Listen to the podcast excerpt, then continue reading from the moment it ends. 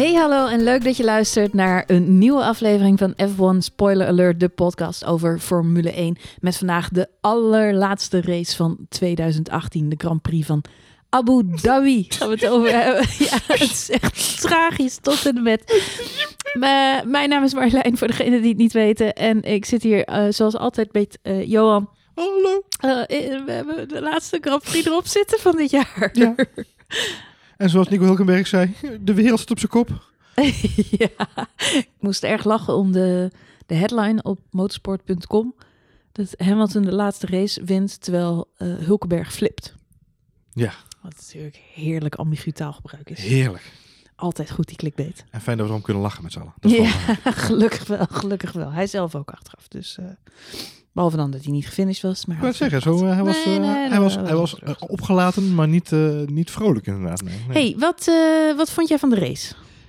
Zo, nou zullen we maar gelijk bij het begin beginnen? Ja, begin, begin even. eh, Nou, laten we vooropstellen dat denk ik de leukste Grand Prix van Abu Dhabi is. Nou, ja, 2012 werd al genoemd als, eh, als spannende race. Eh, natuurlijk het, het- het jaar dat Hamilton eh, de race ging ophouden. Dat, dat Rosberg voorbij Max Verstappen moest komen. Oh no, I'm dan gaat het echt, echt ergens over. Dus als je het hebt over laatste races. Toen ging het nog wel ergens over. Maar als, Ja. je kijkt naar, als je kijkt naar vandaag, waar natuurlijk eigenlijk praktisch niet meer zoveel op het spel stond, denk ik dat we als publiek niet mogen klagen, toch? Nee, oh, nou ja, goed. Ik, Ik heb wel een puntje van mijn stoeltje gezeten. Ja, ik vond het wel een leuke race. Ik vond het wel ook een lange race. Ja. Eh, vond ik het de leukste race van het seizoen? Nee, zeker niet. Nee, nee, goed. Maar daar, daar zijn een heleboel andere races voor in, Dat eh, is waar. in Dat is waar. Dat is maar. waar. Daar- Dat is een hele andere wedstrijd, om zo maar even te zeggen. Ik, maar Wat, eh, wat vond jij het hoogtepunt? ik vond het einde het hoogtepunt. Ik denk, nou ja, dat klinkt heel stom, maar ik denk wel dat ik het, het mooiste van de dag wel vind dat ik drie wereldkampioenen op rij heb zien rijden. Ja. Eh, Alonso, Vettel, Hamilton. Ehm, we hebben het vaak deze podcast gehad over legacy en over eh, eh, hommage eh, tonen aan kampioenen. Mhm. Ik denk dat het heel mooi was. En, en zeker omdat ik ook achteraf las dat het inderdaad impromptu was. Dat het niet voorbedacht was. Het was, was wel Nee. redelijk geïmproviseerd. Nee. Dus ehm, eh, dat geeft ook wel een beetje aan eh, eh, hoe de heren over elkaar denken. Alonso heeft wel na afloop eh, verklaard dat hij zich al met al een beetje eh, verlegen heeft gevoeld over alle special treatment die hij dit weekend gehad heeft. Ehm, hij mocht inderdaad eh, na de race, dus omdat hij gefinished was op de elfde plek, notabene, moeten we het zo nog even over hebben. met hakken over de sloot achteraf. Ehm, maar hij mocht mee met de twee eh, kampioenen. Dat was inderdaad niet gepland. Zoals ik het begrepen heb, eh, Hamilton en Vettel waren een beetje donuts aan het doen op het circuit. En op dat moment kwam Alonso natuurlijk met onwijs achterstand. Kwam daar voorbij. Alles voorbij rijden, ja. En toen hebben ehm, eh, Vettel en Hamilton min of meer besloten om hem te flankeren. Ja. En hem als een escort, zeg maar, terug Ja, te begeleiden. En dat, naar ik de... natuurlijk grappig. Er is geen radiocontact geweest. Nee. Dus er is toch een soort van synchroniteit tussen, Ja. deze, tussen deze drie wereldkampioenen. Nee, ik ben met je eens. Het was zeker het mooiste dus moment van ik, de race. ik denk, denk wel dat dat... Dat is heel stom, maar misschien is dat wel het mooiste moment van de race. Ja, nee, ik ben met je eens. Het is eh, legendarisch. Maar goed, Daarvoor gebeurde er nog een heleboel andere dingen, hoor, mensen. Daar gaan we het vandaag Ja. over hebben. het ook nog. Maar goed, het is toch. Ja, waar kun je. nou, eh, eh, In dit geval, nou, Alonso moeten we het sowieso over hebben. Het was natuurlijk zijn laatste race. Hij zei zelf: ja, andere wereldkampioenen hebben niet het afscheid gehad wat ik dit weekend gekregen heb. Nee. Voor Michael Schumacher, die echt, nou ja, de greatest of the great is, nog steeds. Ehm, die heeft niet zo'n eh, afscheid gehad toen hij de sport de eerste keer verliet. En ook niet toen hij de sport de tweede keer verliet. Nee. Ehm, en ook Jensen Button, zijn oud teamgenoot, die natuurlijk eh, twee, drie jaar geleden pas, drie jaar geleden afscheid nam. Heeft dat, eh, heeft dat ook niet gehad. Hij zegt ja, en als je kijkt wat ze allemaal voor mij georganiseerd hadden. Ze hadden de hele pressroom, was helemaal Alonso Ja. branded. Hadden ze helemaal eh, Speciale Alonso kunstwerken. Heb ik Ja. ook in een deuk gelegen. Ja. hoor. Ja. op Instagram werden die door iedereen in de zijk genomen. Maar het zag er prachtig uit. En eh, nou goed, er was natuurlijk allerlei aandacht voor hem. En ook over de boordradio hebben we allemaal gehoord. En eh, Ja, alle teams hebben zo'n beetje uitgebreid dingen gedaan. Carlos Sainz had nummer 14 op zijn helm staan dit weekend. oh echt? Als hommage aan, eh, aan zijn, aan is zijn een grootmeester. Het is een beetje. Alonso heeft zelf natuurlijk het hele weekend lopen hinten dat, dat hij misschien nog wel terugkomt. Dus hij heeft een paar keer laten vallen van misschien ga ik het wel heel saai vinden volgend jaar. En dan ben ik in 2020 ben ik er gewoon weer bij. Misschien was het ook een, een beetje dat de sport op deze manier. weet je, laten we het Blijf- maar heel uitgebreid. Ja, vieren. dat hij nooit meer terugkomt. Fernando, blijf alsjeblieft gewoon... Weet je, doe een Hakkinen. Zeg gewoon dat je terugkomt, maar Ja. doe het niet. Weet je Ik moest trouwens, nou je zegt Hakkinen, ik moet heel erg lachen om Mieke Hakkinen, want die had gelijk een Instagram foto gepost. Die, eh, die had ook een afscheid toen hij met pensioen ging. Die kreeg een kopje thee. Nee, nee, Oh. die heeft een erg leuke foto. Je moet even opzoeken op Instagram. Hij heeft een foto gepost van hoe zijn afscheid eruit zag. Hij kreeg namelijk bij zijn vertrek kreeg hij een, eh, een, een grote plastic zwembad en een duikbril en een golftas. En hij zit daar in een strandstoeltje met al die attributen in zijn eh, McLaren Mercedes outfit in de pitstraat. eh, met een duimpje omhoog en een zonnebril op zijn neus. Oh. Dat was het afscheid van Mika Hakkinen destijds uit de Formule 1. Nou ja, het is, het is kenmerkend voor de Formule 1 nieuwe stijl. Eh, well, Ehm, welcome to the club, Alonso, zei hij Ah, erbij. dat is, zei dat hij is een, erbij. leuke, een, leuk, een leuke. Ik denk dat het kenmerkend is voor Formule 1 nieuwe stijl. Ehm, volgens mij kunnen we het erover eens zijn. eh, we zagen vandaag voor de uitzending eh, Jean Tot nog even bij eh, Olaf Mol aanschuiven. Ehm, die het natuurlijk ook had over de Formule 1 nieuwe stijl. Ehm, eh, waarbij het vroeger ging over nieuwe teams aanmelden. En hoe het dan met Bernie Ecclestone zou zijn geweest. En hoe het nu gaat tegenwoordig. Mhm. Met Liberty als nieuwe eindbaas. Nou goed, er zit gewoon een heel groot social media push achter. Het is, het is, alles is content tegenwoordig. Mhm. En eh, het ging natuurlijk veel ook over, nog over de push tussen Ocon en Verstappen. En alles is content. En, en zelfs uit de Wolf zei nog bij het Formule 1 café. Hè, we willen gewoon content maken, daar gaat het om tegenwoordig. Ik denk ook als je kijkt naar... eh, nou, kijk even naar het afscheid van Alonso. Ricciardo bij Red Bull. Dat is natuurlijk een briljant mediateam. Wat Ja. gewoon uitgepakt heeft met misschien wel vier, vijf verschillende Instagram-video's. Een YouTube-video, een Instagram-story, eh, een Twitter-line. weet ik wat ze allemaal voor hem bedacht hebben. Ehm, volgens mij hebben ze niks gedaan op LinkedIn overigens, maar dat tezijde. Was wel leuk geweest. Misschien een keer een activatiecampagne voor me. Ehm, Carlos Sainz eh, vertrekt natuurlijk bij Renault. Eh, daar was vandaag ook heel veel aandacht voor het vertrek van. Dus die teams hebben natuurlijk ook veel meer. Er is ook veel meer media-aandacht voor zo'n vertrek. Dan Ja. pak een beet. Nou, wat is het? eh, Tien jaar geleden, twaalf jaar geleden dat eh, Schumacher uit de race stapte. Nee, nou goed. En het is natuurlijk terecht. Alonso is tweevoudig wereldkampioen. Dus niet zomaar iemand. En hij rijdt al heel lang eh, daarin mee. Maar tegelijkertijd zijn, zijn teamgenoot Stoffel van Doornen nam vandaag ook afscheid van de sport. Ja. Ik heb niemand over Stoffel gehoord. Nee, maar die kwam ongeveer. Die, die heeft zeg maar op dezelfde manier afscheid genomen als dat hij geraced heeft. Gewoon heel onzichtbaar. Kleurloos. Ja, precies. Ja, heel onzichtbaar. Je nou, Stoffel heeft vandaag een, uh, Stoffel had vandaag een leuke race. Ehm, Hij had een goede race. En uh, ja, hij wist aan wat mensen van met uh, eh, Grosjean volgens mij houden. Ja. Ja. Dus nee, eh, nee eh, kijk, weet je, het, het- ik, ben wel, ik ben wel met Alonso eens dat het wel heel opvallend is dat hij zo ontzettend ehm, in de spotlight wordt gezet. Ten opzichte van een Schumacher of een... eh, en weet je, het, het, doet je ook vragen wat er gebeurt als, als Lewis Hamilton over twee jaar afscheid neemt. Mijn hemel, dat gaan ze dan allemaal wel niet doen. Oh, hou op, schrijf uit. Dan moet je een heel worden- raceweekend vooruit Ik denk dat er dan heel race wordt. te Ja, precies. Voor die man, van die Ik weet niet hoeveel helmen dan al moeten worden bezorgd van allemaal Oh, oude coureurs Het is verschrikkelijk. nee, maar het, is, het geeft je wel, het is, het wel het niveau alsof die, alsof die morgen eh, eh, afgelegd wordt dat Alonso er niet meer is, weet je wel. Ja. We nemen echt afscheid van Alonso. Dat is niet zo. Want inderdaad, als hij over een jaar zegt, eh, jongens, hier ben ik weer. Hallo. Dat kan zomaar. Ah, maar dan kunnen ze weer content maken, want dan kunnen ze me... Welcome back Alonso. Welcome back Alonso. En dat is mijn probleem een beetje met het hele afscheid. Het is, het is een hele grote contentfabriek. Dat is niet iets waar wij zelf heel erg vies van zijn, van content maken. Hmm. Maar het is wel iets waarvan ik denk... Oké, het had ook een tikkie minder gekund. Um, Rijkonen gaat nog twee jaar door. Wat gaan we daar allemaal voor bedenken? Want het zijn wel mensen die lang hebben meegereden. Hè? Ik bedoel, Van Doornen, Sirotkin. ehm, eh, ja, weet je, het zijn een beetje... eh, Ocon ook, een beetje kleurloos niet per se. Maar zijn ook geen mensen die hun stempel gedrukt hebben op de sport in de afgelopen x jaar. Alonso is natuurlijk wel zo'n een van zo'n... The one of the greats, zeg maar. Dus dat, Wat vond jij van... eh, eh, we zagen die drie mannen en die donuts op het rechte stuk. En ehm, wat vond ik van die donuts? Ja. nee, Ma- Max was natuurlijk derde geworden. Max was daar niet bij. Wat vond jij ervan? Ik denk dat Max dat heel slim deed. Ja, hè? Ja. Dat is toch een bescheiden Hollandse jongen die eh, zich realiseert... Daar hoor ik nog niet bij. Nou, ik weet niet of dat een bewustje was hoor. Ik denk dat dat gewoon zo gegaan is. Ehm, hij, hij gaf in de, in de eh, re- green room, achteraf Mhm. gaf hij aan dat hij fuel moest saven. Hij moest de brandstof besparen, daarom heeft hij geen donuts gedraaid. Kennelijk heeft hij behoorlijk op de, op een, eh, op de marge gereden. Ehm, dus hij gaf aan dat hij geen donuts kon draaien vanwege de brandstofbesparing. Ehm, hij was dus kennelijk al heel lang op het rechte stuk. Hij heeft kennelijk zijn auto gewoon keurig geparkeerd, zoals andere mensen dat ook hebben gedaan.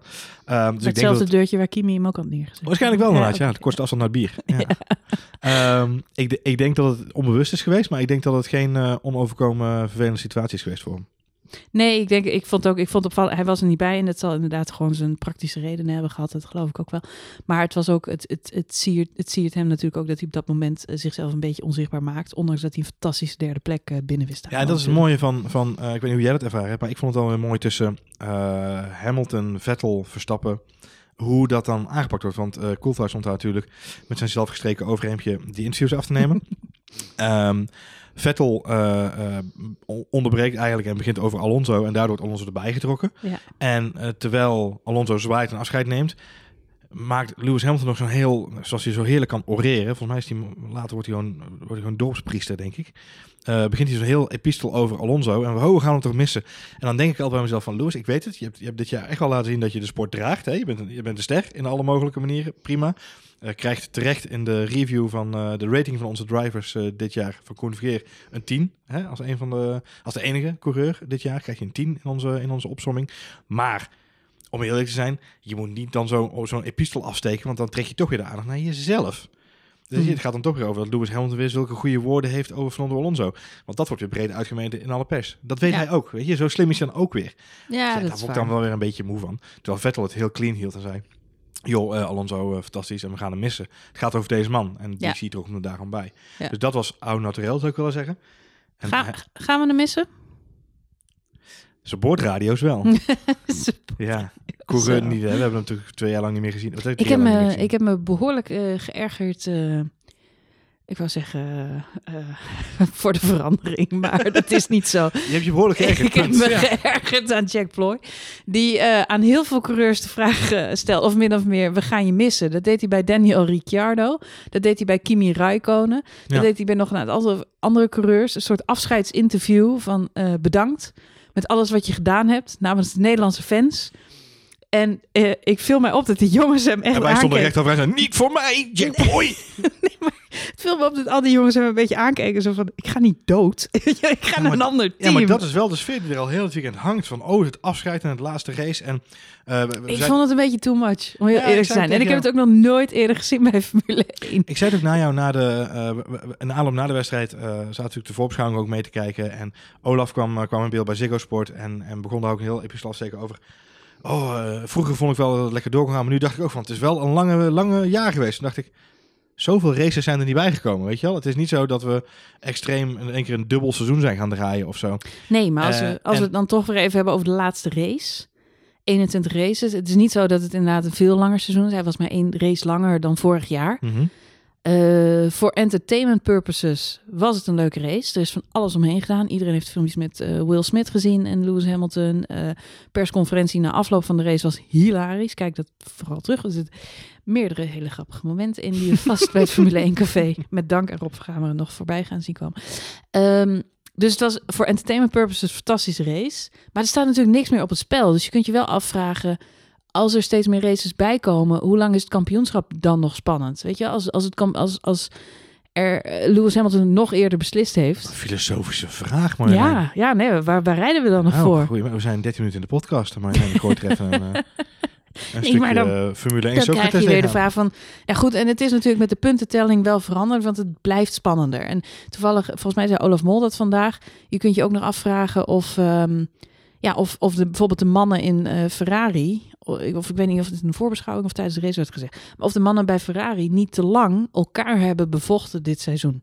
Ja, Kimi Räikkönen, ja, Sebastian Vettel... ehm, eh, eh, waren er toch striktere teamorders geweest... had Sebastian Vettel gewoon veel meer punten misschien nog van Kimi Räikkönen. Er is- zijn een paar gelegenheden geweest dat het team Kimi Räikkönen voor heeft laten gaan... omdat Kimi gewoon sneller was. Nou, hartstikke fair, weet je wel, sportief. Ben ik daar helemaal mee eens. In de tijd van Schumacher bij Ferrari was dat wel anders. Dus wat dat betreft, props voor Ferrari als sportliefhebber...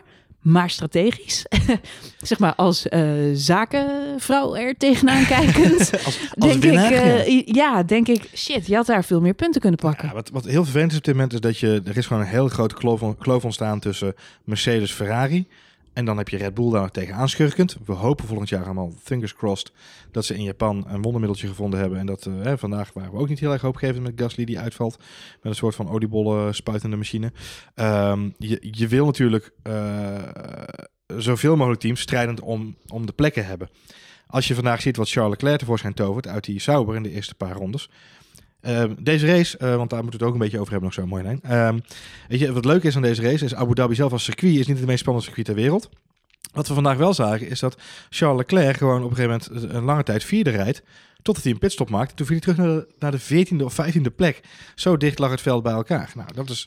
Met Dat is- name in die achterhoede, hè? want daar zag je echt maar Nou ja, ik vind- verschillen ik vind de van vierde eh, plek 1, geen 2 achterhoede. seconden. Maar ehm, Nee, nee, nee, maar goed, Maar hij valt terug in het achterveld en het achterveld ligt allemaal 1, 2 seconden bij elkaar. Klopt. Hij legt op dat moment alle, alle, allerlaatste, dat je denkt, what happened there? Maar hij wordt, uiteindelijk finisht hij toch weer best of the rest. Nee, het, Het komt dus, allemaal goed. Dus als je kijkt naar die eerste stint, dan zie je dus Charles Leclerc rijdt daar weg. En, en die rijdt een fantastische race. eh, rijdt op een gegeven moment Ricciardo voorbij eh, met een paar mooie moves. Rijdt vierde, achter Kimi Räikkönen volgens mij op dat moment.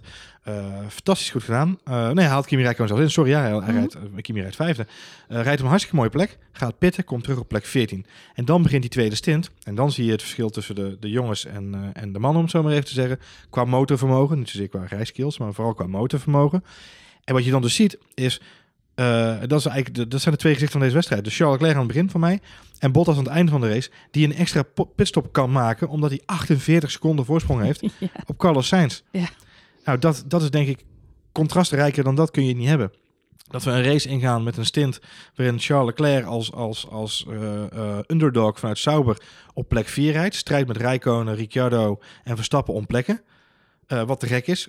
En ik denk bij hem, zeker als het gaat om, om die auto, is het een stukje motorvermogen, maar voornamelijk ook racecraft. Nou, dat is te gek.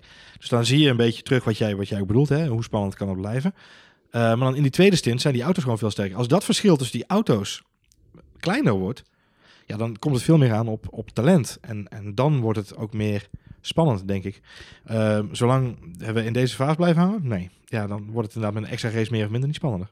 Charles Leclerc die gaat eh, volgende week voor het eerst testen in de Ferrari. Eh, hij heeft al vaker getest in de Ferrari. Hij is natuurlijk gewoon onderdeel van het eh, opleidingsprogramma daar. Maar het is nu zijn eerste officiële test in dienst van Ferrari. Hij was nu al emotioneel, toch? Ja. Ja, hij was daar. eh, hij verwachtte dat het emotioneel ging worden. Ik moest daarom lachen als je al vaker in die auto hebt gereden. Maar goed, eh, wat verwacht jij dat hij eh, gaat doen komend jaar? Ja, dat, dat, dat laat zich raden. Dat is heel, heel stom antwoord, maar het is een ontzettend talent. Hij heeft echt ontzettend goed geraced in die Sauber dit jaar. Het is geen Bottas, hè? Het is geen Bottas, nee, daar moeten we zo nog even over hebben misschien inderdaad. Ehm, en, oh, ik bedoel, Charles Leclerc heeft een fantastisch debuutseizoen gehad. Laten we dat, eh, debutant hè, en, Ja. en echt top gereden. Heeft hele mooie dingen laten zien. Heeft ook hele stomme dingen laten zien. Ik denk dat Charles Leclerc minimaal elke vrijtraining wel een keer gespind is. Dit weekend zet hij in de derde vrijtraining zijn achtervleugel nog eventjes eh, op de Formule Ford modus. Ehm, dus dat is ook niet heel erg Hij handig. had een beetje hetzelfde wat, wat Max in zijn eerste Toro Rosso jaar ook had. Dat hij valt op. Hij zit niet bij een topteam, maar hij, valt, hij heeft het hele seizoen is hij opgevallen. En dat is, en dat is Elke keer dat je denkt, god, daar zit eh, Leclerc er weer tussen. Komt natuurlijk ook omdat hij eh schilcontrast met zijn teamgenoot. eh, Oh, die heeft dit weekend ook een goed weekend. Ja, maar hij ligt daar altijd toch wel. Het is nooit zo. Kijk, de, de Force India's, die zie je altijd een beetje bij elkaar rijden. Ja. Renault's soms ook nog wel, alhoewel Hulkenberg meestal de, de snellere is van de twee. Ja. Maar de Perez en Ocon, die rijden eigenlijk altijd bij elkaar in de buurt. Klopt. Ehm, maar, maar Leclerc, die, die, nou, die, die zie je ineens. Nou, vandaag duikt hij ineens op de vierde plek. En eh, tuurlijk, iedereen weet, hij valt uiteindelijk wel weer terug. Maar moet je nou voor, als dit Max Verstappen bij Toro Rosso was geweest, dan had was heel Nederland hadden weer trots geweest van, oh, hij heeft zich wel weer laten zien deze race. Ja, En nu en dat- besteden en we niet zoveel aandacht Nee, aan. nee, Maar het is wel, het is, het is, hij is van het kaliber Max Verstappen en niet van Bottas eh, zijn niveau. Nee, zeker niet. Maar hij is ook veel meer een racer dan een, eh, dan een, autobestuurder, om het zo maar te zeggen. En, en Bottas is een autobestuurder in mijn optiek. Die, die brengt zijn auto van A naar B op een veilige manier. Moet Vettel, eh, gaat, eh, gaat Vettel het lastig Nou, het, krijgen? eh, nee, ja, dat is moeilijk. Omdat ehm, eh, Vettel is eh er geslepener in de politiek. En Mhm. eh, wa- wat we allemaal weten, waar we het al vaker over gehad hebben, is dat Ferrari ook heel veel politiek is. En ze zullen bij Ferrari echt alle, eh, alle pasta politiek de deur uit moeten zetten om te zorgen dat ze zo'n jongen die zo'n talent is, eh, het juiste landingsplatform geven om succes te bereiken. Wa- En, en als ze dat niet doen, dan verpesten ze een talent mogelijk. Eh, Mhm. En dat, dat is het enige waar ik eh, soms een beetje cringy naar kijk. Dat ik denk van, ik gun het hem van harte. Ehm, eh, ik weet niet of hij meer had gehad aan Rijkonen of aan Vettel. Dat laat ik even in het midden. Eh, ik denk dat je niet zo heel veel uit Rijkonen krijgt qua, qua eh, mentorlessen. Eh, maar goed, voor hetzelfde geld, qua omgang met je, met je monteurs en dergelijke, kun je wel weer heel veel van Rijkonen leren. Dus ik, ik vind het heel moeilijk. Maar ik denk, als ze, als ze hem op de juiste manier weten te begeleiden... en hij krijgt eh, Jock, natuurlijk de, de meest ervaren engineer van, eh, van Ferrari... Dat, dat wordt zijn persoonlijke begeleider.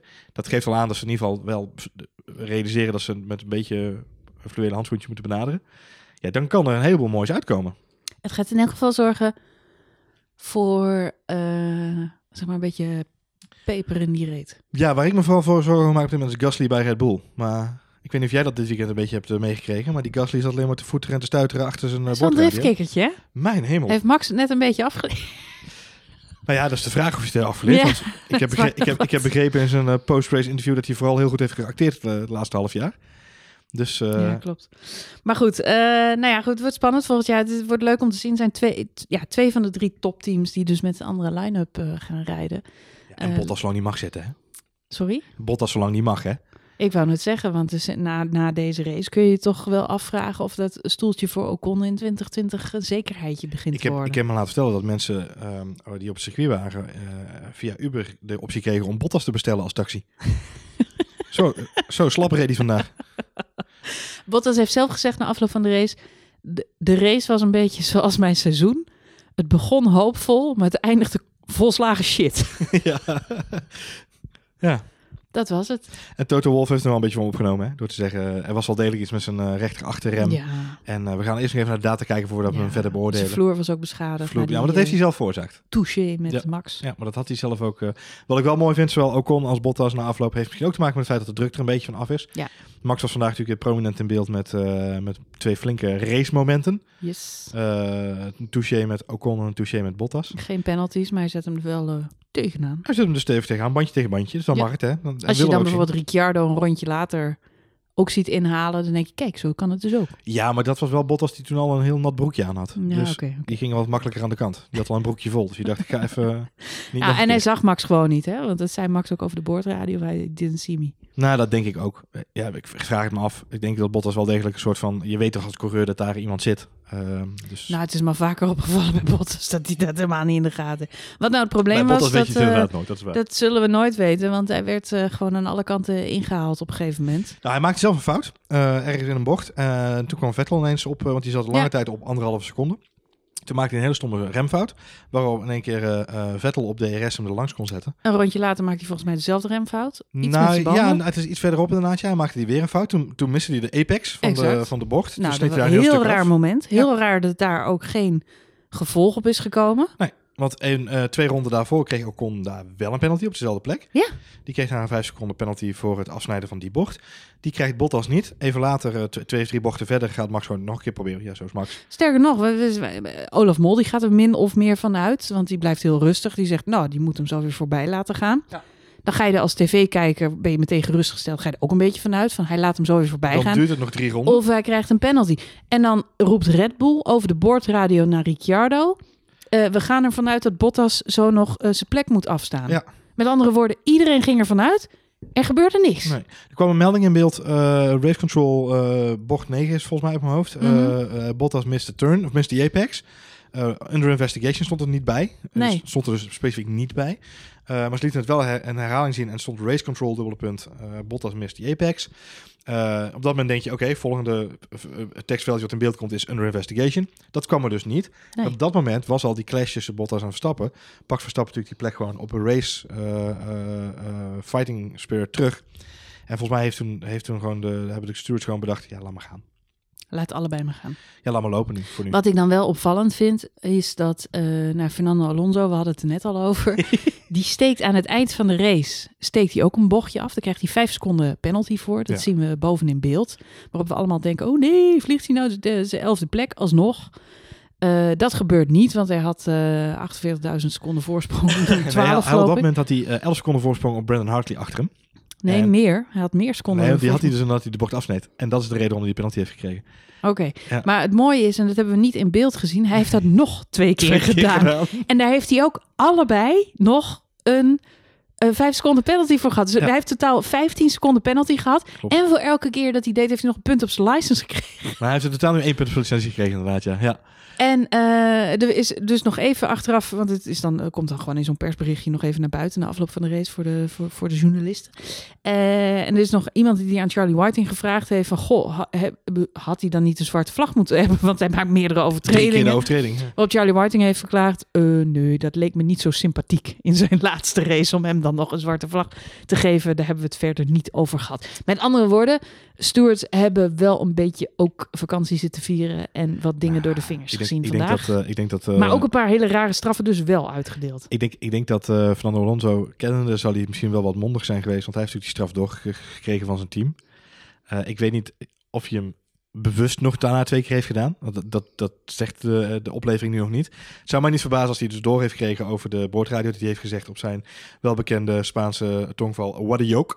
En dat hij vervolgens gewoon nog eh, twee keer diezelfde ver- overtreding gemaakt heeft. Gewoon puur om ze te... Ik weet het niet. Het zou me... Om te kijken wat er gebeurde. Nou ja, nee, dat, dat denk ik dan ook weer niet. Maar ik denk dat ze natuurlijk bij de stewards horen ze ook de boordradio's terug. Hm.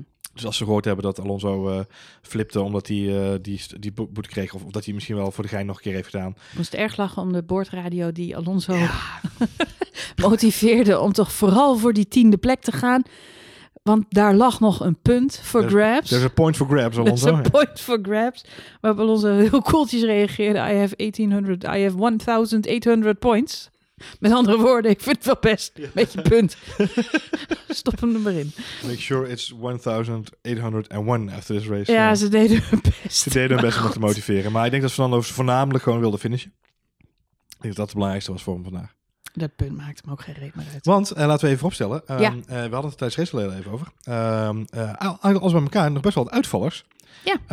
Natuurlijk uh, Hulky Hulk met zijn, met zijn flip-over. Eh, dat is natuurlijk niet zo heel erg handig. Maar daarnaast hebben we van alle andere fabrikanten ook een uitvaller. We hebben een Mercedes die uitgevallen is. Eh, we hebben een, eh, namelijk Ocon, die is uitgevallen. We hebben een eh, Honda motor, Pierre Gasly. En we hebben een Renault motor, sorry, een Ferrari motor, ehm, namelijk eh, Kimi. Kimi Räikkönen. Hm. Dus dat is toch wel een dingetje. Dat je zegt in die laatste race ploffen er toch in één keer een paar motoren. Dat je denkt, oh, hm, opvallend. In hoeverre geloof jij dat Kimi, Kimi Räikkönen gewoon geen zin meer had? getrokken heeft, ja. Gewoon die auto geparkeerd heeft bij de ingang van zijn team. Door dat poortje is gegaan, naar zijn vrouw is gelopen, biertje heeft opengetrokken. Ik weet niet in heeft hoeverre die, eh. Ik weet niet hoe ver die coureurs natuurlijk kunnen meeluisteren met wat er op tv gebeurt. Maar ik weet niet of jij het ook gehoord hebt. Maar ergens halverwege de race trok Olaf Mol ook een biertje open. ja. Het is nog steeds erg warm in Abu Dhabi. Voor hetzelfde geld heeft Kimi dat ook gehoord. Die heeft gezegd, ja, fuck it, bro. Boom, ik zet hem hier neer. Ik moest erg lachen omdat zijn auto. Nou, het was natuurlijk niet leuk. Wel, ik hoop dat, dat hij nog ging finishen in zijn laatste. En het podium was nog leuk geweest. Podium was nog tof. was voor meerdere mensen, was voor Ricciardo natuurlijk ook nog mooi geweest in zijn laatste kansrijke race daarop. Ehm, maar goed, dat Kimi dan stuk gaat op het rechte stuk, op start-finish. En echt letterlijk zijn auto parkeert naast het luikje, zeg maar, wat de pit-ingang is, waar hij direct naar binnen kan. Jij zegt te veel, te veel toeval. Ja. Ik vond dat wel toevallig, maar ik moest er erg om lachen. Want exemplarischer kan het eigenlijk niet voor hem. En eh, ik ben blij dat we hem nog, eh, nog wel terug gaan zien bij eh, Sauber. En wat ik al zei, Jack Ploy die doet alsof het het einde is. Maar Kimi reageerde daar ook met de gefronste wenkbrauwen op. Zo van, nou, volgend jaar wordt ook gewoon weer leuk hoor. Dus Ja, maar dat is een beetje in. dat is de frustratie inderdaad. Dat ik gewoon denk van nou, na zo'n weekend, iedereen heeft er de balen van dat het seizoen voorbij is. Maar het wordt gebracht alsof het het einde van de wereld is. En dat is het niet. nee, Eh, en ook de verbazing, ja, deze mensen gaan allemaal nog door tot het einde van het jaar. Ik denk, ja, dat begrijp ik. Het is een fulltime job. Je, ze zijn race engineer en daarnaast zijn ze coureur. En ze hebben inderdaad een aantal weken vakantie. Maar ja, ze, ze hebben gewoon een baan.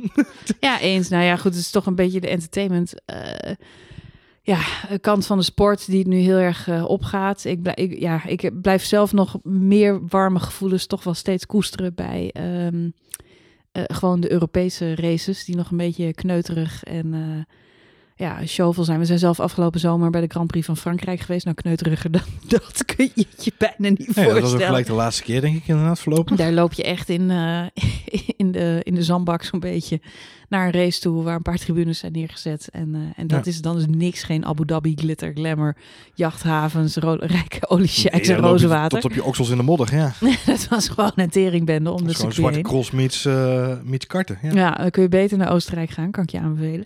Maar, ehm, maar goed, eh, ja, de enerzijds heeft het heel charme. Anderzijds, ik merkte wel, vroeger was zo'n laatste race van het seizoen altijd inderdaad ook voor de kijker een beetje emotioneel moment.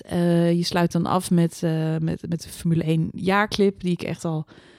Nou ja, sinds, eh, sinds de jaren negentig natuurlijk. eh, nou, het ene jaar is hij mooier dan het andere jaar. Maar er zijn jaren eh, geweest. Nou, die ken ik echt uit mijn hoofd. En eh, we, zijn eh, laatst naar de film van Queen geweest, Bohemian Rhapsody, waarin ook het nummer Don't Stop Me Now zat. Nou, dat nummer wordt dan gespeeld onder de jaarclip van 1998, het jaar waarin Mick Hakkinen kampioen werd.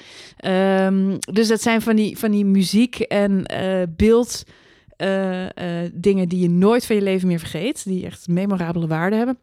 En ik merkte vandaag, als je dan de highlights ziet, Formule 1 is zo'n entertainment geworden. Dat we zijn eigenlijk heel verwend geraakt, omdat we nu ehm, voor en na een raceweekend natuurlijk zo verschrikkelijk veel beelden eh, toegestopt krijgen via eh, social media. Dat, eh, en dat viel me ook op na deze race. was ook weer een Formule 1 jaarclip. Dan zie je allemaal super slik gemonteerde beelden. Het ziet er fantastisch uit. Maar ik had niet meer die kippenvel van vroeger. Nee, omdat je die beelden natuurlijk allemaal al ten eerste... Al tigduizend keer gezien Nou ja, dat is één. Je kunt natuurlijk tot in de lengte vandaag kun je dingen terugkijken. Je kunt fragmenten zelf opzoeken. Eh, we maken zelf natuurlijk eh, met, met Numrush, eh elke race hebben we de column gemaakt, ook dit jaar weer. Dan zie je al die beelden terugkomen. Die staan natuurlijk allemaal op YouTube tegenwoordig. Daarnaast komt alles in eh 4K, high def, ultra LED, OCD, alles op je neus gefilterd. Het komt allemaal heel, heel hard je netvlies binnen. En is natuurlijk ook anders dan, eh, nou ja, eh, pak even de jaarclip van 1998. Eh, wat heb je laatst terug zitten kijken? Wat hadden we nou in de vorige podcast over? 98. De Grand Prix van Luxemburg eh, 98. Oh, nu boek ik. Nou ja, 4 bij 3 vierkante blokkenautootjes. Daar moest je het mee doen. Daar moest je het mee doen. En dat duurde 2,5 uur. En je zag misschien, als je geluk had, nog een beetje een trillende onboardcamera. Tegenwoordig je, Onboardbeelden die stoorden vroeger. Dat was Ja. ik helemaal vergeten, En maar die stoorden en altijd. tegenwoordig kijk je gewoon recht in de ogen van een Londen als het nodig is Ja, inderdaad. bizar, hè? Ja, maar dat is, dat is het verschil. Nou, het valt ook op, want we hebben natuurlijk... Nou, wij waren in Nederland op een gegeven moment wel helemaal klaar met discussie naar Brazilië over Verstappen en Ocon. Dat heeft nog een week geduurd. En toen na een week was het eindelijk stil.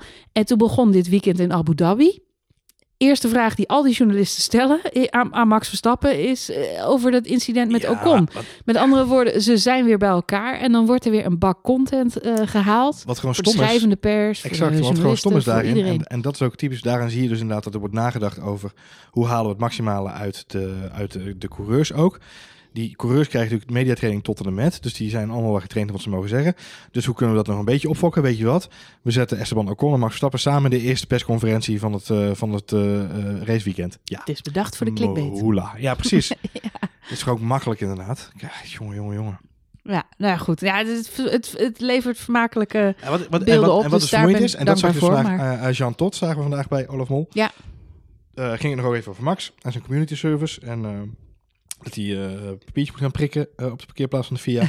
Ehm, eh, Jean Tot legt daarin uit. Je ziet die man gewoon eh 3000 verschillende niveaus denken. Hè. Die man zijn hersens draaien over vier assen.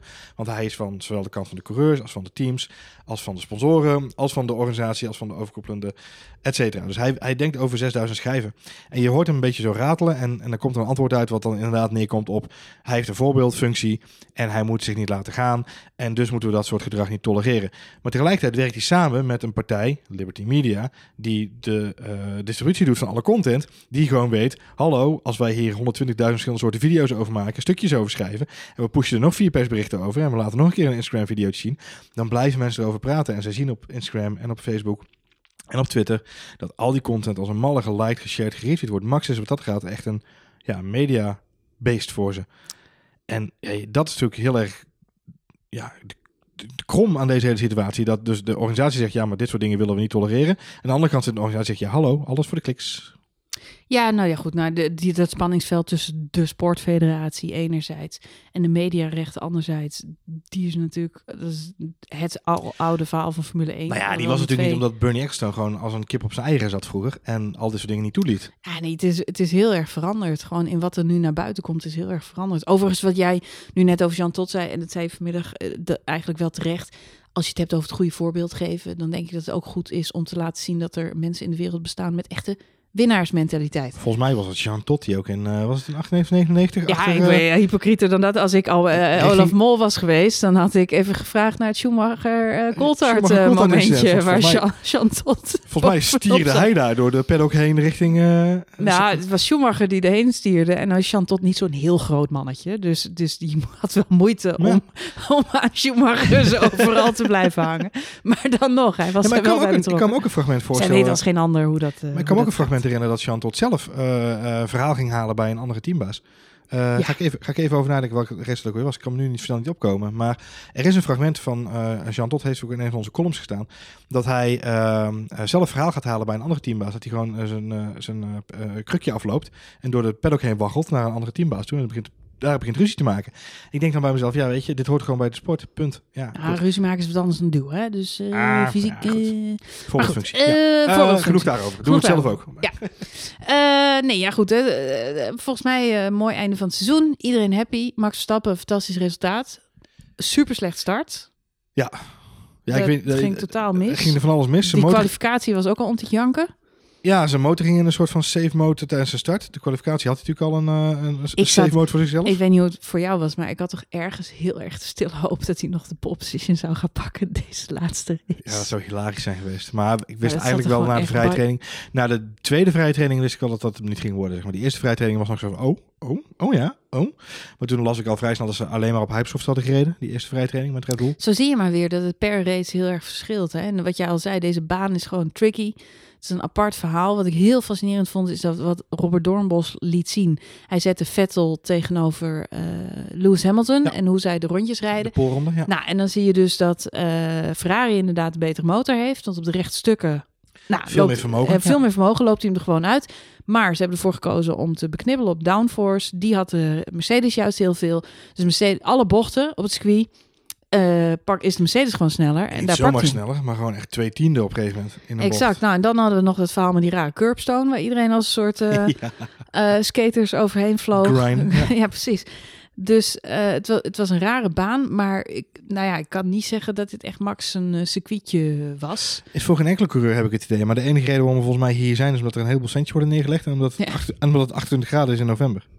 Op zich moet je daar ook gewoon niet over klagen. Nee, ja. Beelden waren heel aantrekkelijk.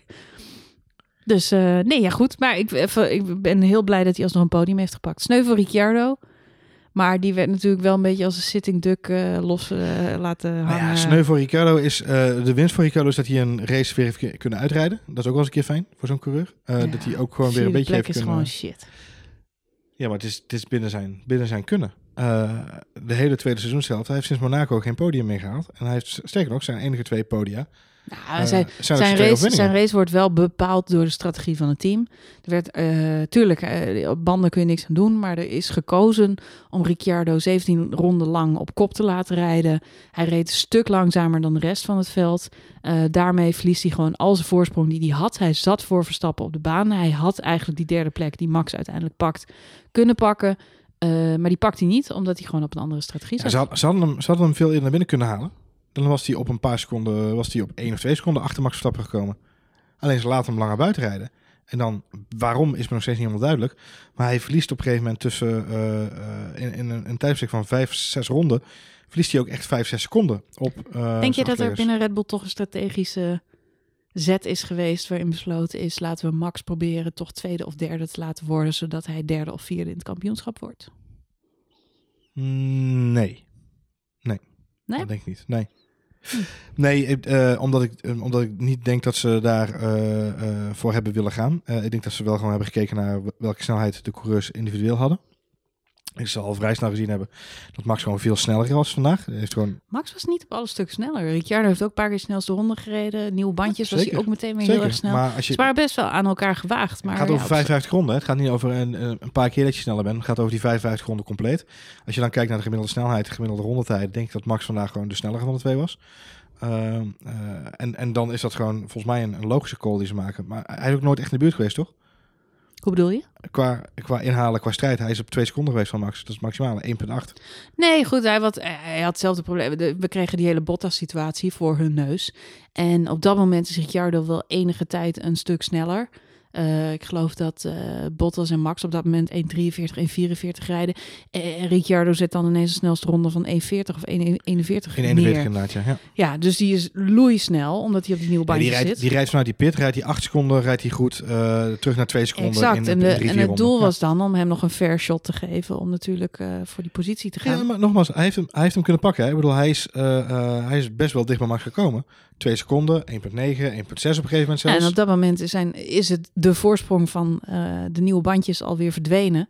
En was het gewoon achter elkaar aanrijden. Exact. En toen was er niks meer aan te doen. Dus wat ze hadden kunnen doen is hem wat eerder naar binnen kunnen halen. Want hij zat op een gegeven moment op eh, de pitstop delta was vandaag geloof ik 21, 22 seconden. Mhm. Hij zat op een gegeven moment op 20 seconden van, eh, van Max, eh, Mhm. die toen op de, op de vijfde plek reed. Was hij op plek 6 zeg maar teruggekomen. Had hij dus een, plek, een, een seconde of twee achterstand gehad. Ja, dan had hij langer de strijd aan kunnen gaan met Max. Nu kwam hij eh, even uit mijn hoofd. Volgens mij ging Ricciardo pas in ronde 34 naar binnen. Dus dat betekent dat hij nog maar 21 rondjes had om iets te, om iets te doen. Ja, dan moet je van goede huizen komen als je dan in één keer al zo'n flinke achterstand hebt. Nee, dat is waar. Maar goed, nou ja, mooi dat Max nog vierde is geworden. Kampioenschap. Ja, denk het wel. Hij Ik vond het wel tof. hij in ieder geval niet naar het gala. Hij hoeft niet naar het gala, nee. Dat zei hij zelf na afloop in de persconferentie. Hij had net niet... Hij, hij valt precies dus tussen Raikkonen en Bottas in. Hij ligt twee punten achter Kimi Raikkonen, die derde is geworden. En ligt twee punten voor, Voor op Bottas. Bottas, ja. Was hij vandaag tweede geworden, dan had hij dus Raikkonen nog ingehaald. Dan was hij derde geworden in het kampioenschap. Hij zei zelf in afloop naar de, naar de persconferentie... Of Hamilton vroeg geloof ik aan hem, ben je nou derde geworden? Ja. Ja, en toen zei hij zijn vierde. En toen zei hij nee, vierde. En eh, ja. Ze Hamilton, oh, dan hoef je niet naar het gala. Uh, dat, uh, nee, we- we- we Verstappen zei zelf, oh, dan hoef ik niet naar het gala, inderdaad. Ja. Waarop Hamilton waarop, zei, waarop, nee, waarop, Verstappen- waarop Max toevoegde, eh, we calculated that. daar is ze op uitgerekend, inderdaad. het, was een, het was een erg leuke persconferentie overigens. Dus kijk nog eens weer terug als je hem ergens kunt vinden. Er zijn wat leuke fragmenten geschoten daar. Het is winststop. Kunnen ze die oliebollenmachine bij Honda gaan maken? Ja, ik ben heel benieuwd. Dat ding spuit olie, dus eh wordt leuk volgend jaar. Ja, en toch blijven ze goede hoop houden. Ze, ze blijven over elkaar Ik denk, invallen. ik, ik denk ook dat het een ander soort lekkage was deze keer. Om Eh, te zeggen dat die Honda-motor gewoon echt heel snel is. Max heeft zelfs na afloop van de race ge- gezegd, want hij werd er uiteraard naar gevraagd omdat Gasly er weer problemen mee had. En toen heeft Max nog gezegd, liever heb ik een motor die af en toe een paar keer eh, stuk gaat, eh, maar die wel heel erg competitief is, die gewoon speed heeft. Nou ja, dat, dat liever dan een eh, motor die, eh, die constant langzaam die constant te langzaam Ja, is. ja, Ja, ja. daar heb je niks aan. En ik kan hem daar geen ongelijk in geven. Ehm, eh, weet je, want dan gaat hij ook meer mee om de, west, om de strijd onderaan de streep. Ja, dat wordt spannend. Ik, ja, ik, ik, ik, hij heeft een hard hoofd in. Maar Wie wordt volgend jaar wereldkampioen? Lewis Hamilton. Wordt een heel saai seizoen dan. Nou, ik, ik weet het niet. Kijk, het, is, ehm, het, heeft heel erg, eh, het zal heel erg te maken hebben met de chemie bij Ferrari.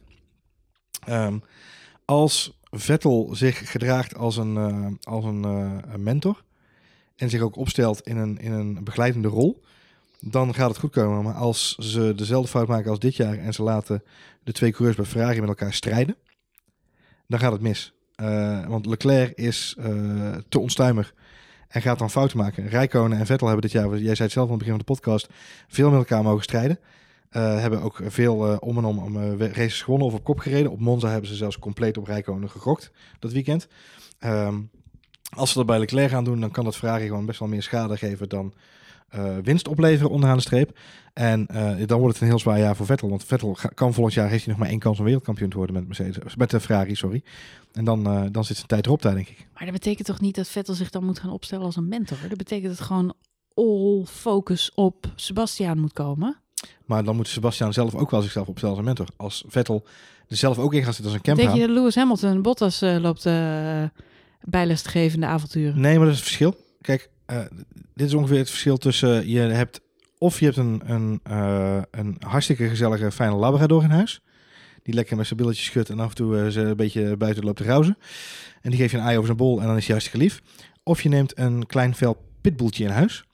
Die heel graag de baas wil zijn, ook in het huis. En dat is het verschil tussen Ferrari en Mercedes.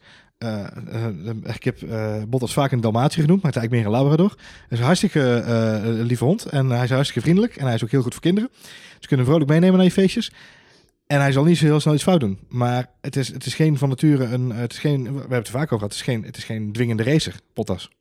Bottas weet dat hij tweede man is. Daarom zeg ik, ehm, eh, eh, daarom voelt Hamilton ook geen strijd met Bottas. Hoe anders was het met Rosberg twee jaar geleden? Nee, Oh, die gingen rollend eh, door de, door, de, door de paddock heen daar. Dat is een ander verhaal, En ja. dat is een heel ander verhaal. En met, met, eh, eh, we hebben allemaal de verhalen gelezen eh, van Alonso en Hamilton. Nou, hetzelfde verhaal. Het waren ook twee camphanen bij elkaar. Dus vergis je niet, ook Lewis Hamilton kan een verschrikkelijke eh eh, camphaan zijn. Er zit ook echt wel een fighting spirit in. Nou, als je dus met de verkeerde pet op, eh, om maar even in de, eh, in de kleding van de heren te blijven, in die, in die paddock stapt, heb je een probleem. En als hij eh, Leclerc, als Vettel dus, Leclerc gelijk als een eh, concurrent gaat zien en met hem gaat racen en hem als een eh, soort van tegenstander gaat zien, ja, hij kan hem beter omarmen en als mentor begeleiden. Dat is eigenlijk meer wat ik bedoel. Hij kan hem beter zeggen, ach jongen, goed talent ben jij. Kom jij maar eens even bij ons, dan zal ik je even kneepjes van het vak leren. En je laten zien hoe deze Ferrari-fabriek werkt. Want hier speelt meer dan alleen maar een autofabriek. Hier worden ook nog andere spelletjes gespeeld. En daar moet je ook een hoop over leren. Dus jij, eh, Kijk naar Grosjean. Kijk naar Grosjean dit weekend, Marjolein. dus jij propageert het eh, Godfather eh, credo, keep your friends close, Yes, keep your enemies even closer. yes.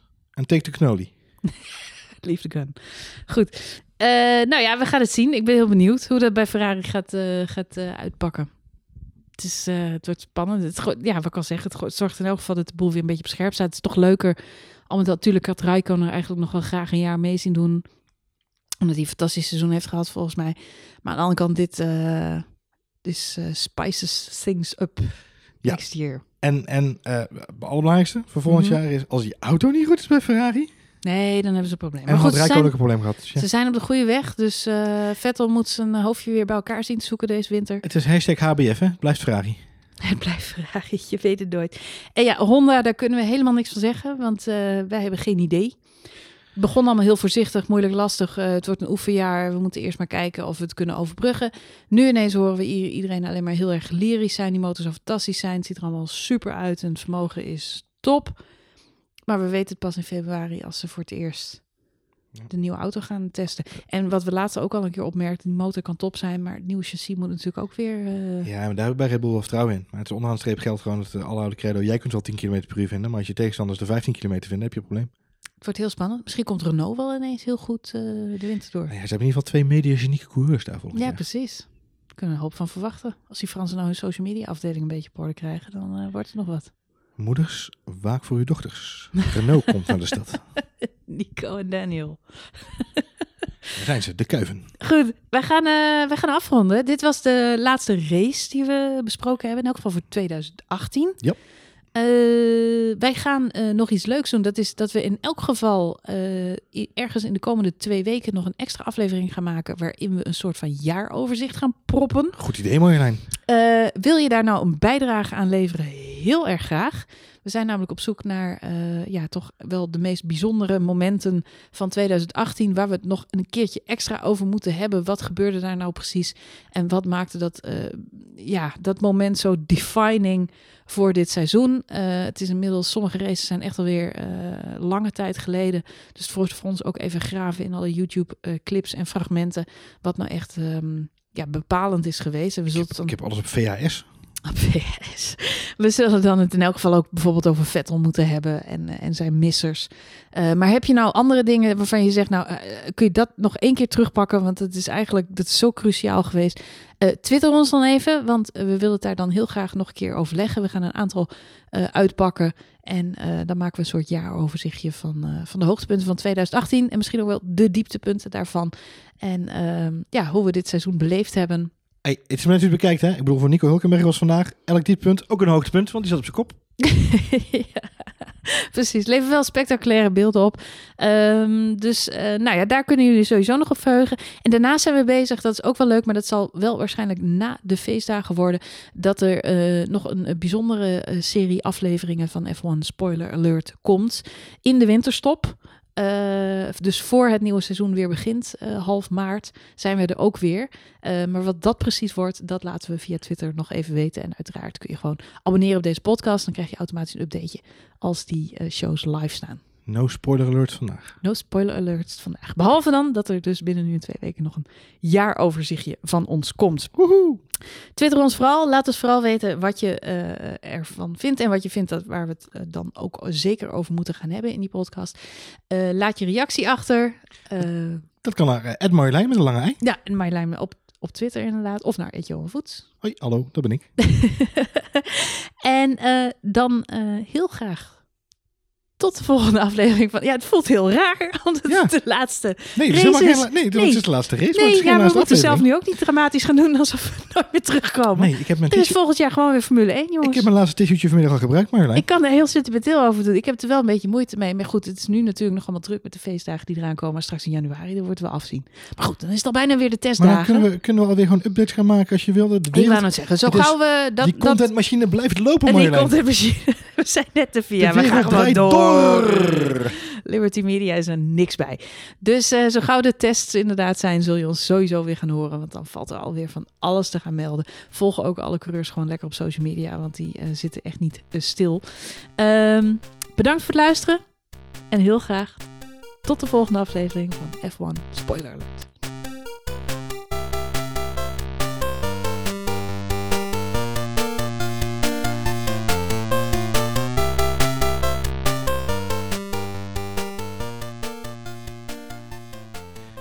We hebben net geen half uurtje gehaald, Marjolein. Net niet. Nipt. Met hoeveel meter hebben we de pitstraat gemist? Nou, dit, Pitstraat is niet eens de buurt.